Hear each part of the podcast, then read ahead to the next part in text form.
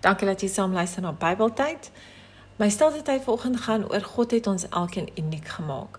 En ek wil hê jy kan ehm um, jou Bybel oopmaak en saam met my lees Galasiërs 5 vers 25 tot 26. Ons lewe deur die Gees.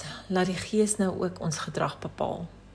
Ons moenie verwaand wees, mekaar uittart of op mekaar afgunstig wees nie.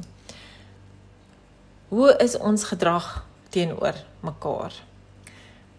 As jy iemand sien sukkel, wil wil ons dalk daardie persoon se lewe regeer of help ons net om gesien en geprys te word.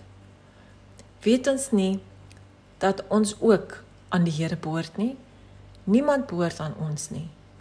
Almal behoort aan die Here.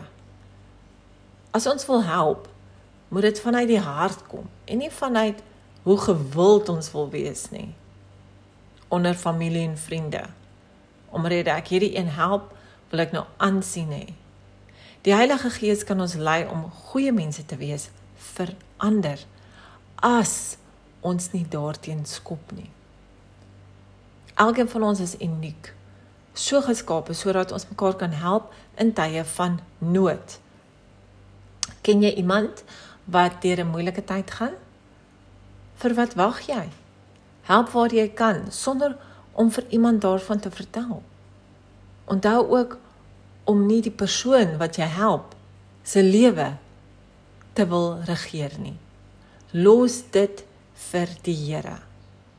Dankie dat jy saam geluister het en dankie dat jy hierdie sal deel met ander want ek dink deesdae is daar baie sulke situasies waar mense ander mense se lewens wil regeer.